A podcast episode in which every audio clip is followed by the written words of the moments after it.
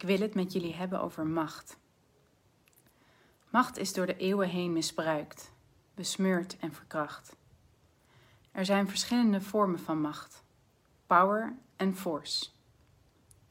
Een kogel die door iemand heen gaat is force. Een vaccin dat afgedwongen wordt is force. Een kind dat uit huis geplaatst wordt is force.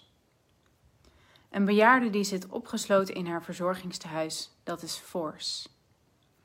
Een mens die zijn naaste niet mag vasthouden en knuffelen is force. Je kunt het woordje, het Engelse woordje force, ook vervangen door geweld. Power, macht, natuurlijke kracht, zoals de natuur het had bedoeld, gaat als volgt. Een kudde galopperende paarden. Een waterval die over de rotsen naar beneden klettert. Een vrouw die haar kind door het geboortekanaal perst. Een man die zijn vrouw kust omdat hij haar innig lief heeft. Een volk dat in liefde bijeenkomt en opstaat voor zijn rechten, omdat het deze grondrechten in iedere vezel van zijn wezen voelt. Dat is natuurlijke macht of power.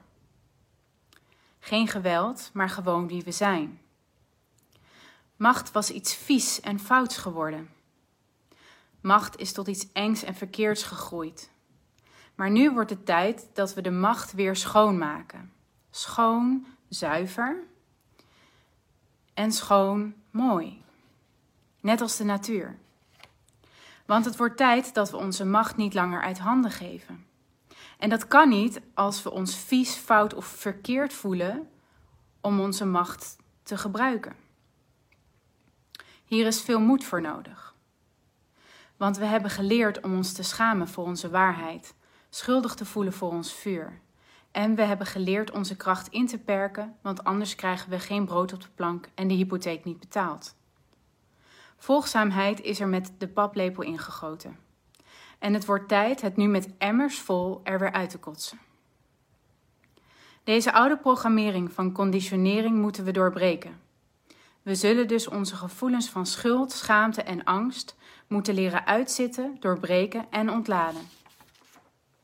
Het is being scared and doing it anyway, every single day. Totdat we niet meer bang zijn. Geen mondkapje dragen, niet vaccineren, samenkomen met dierbaren, opkomen voor je rechten en de demolarisering die je tegemoet komt rechtzetten.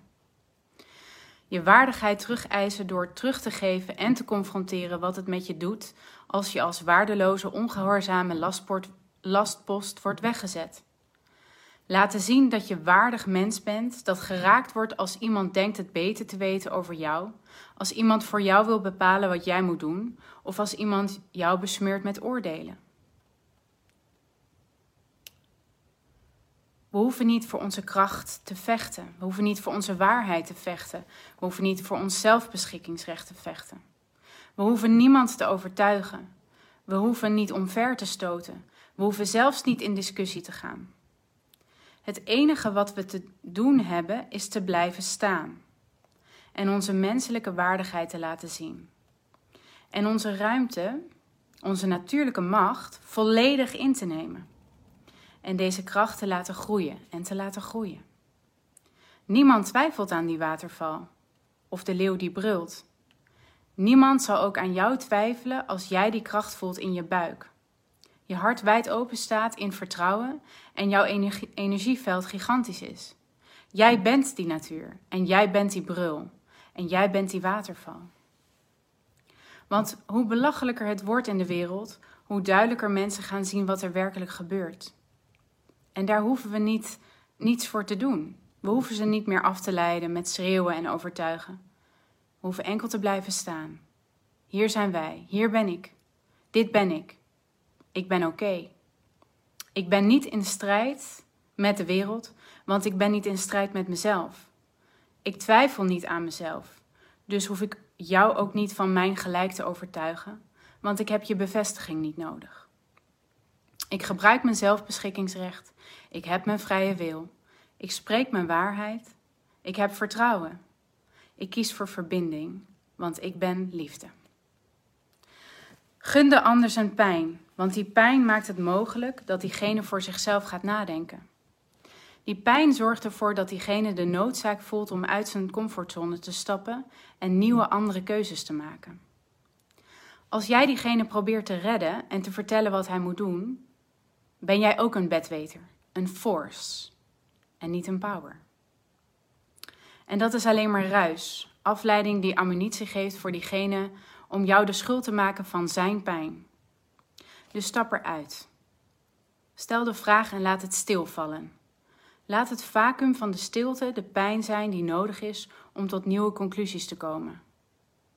Jij bent het pad al gelopen, so lead the way.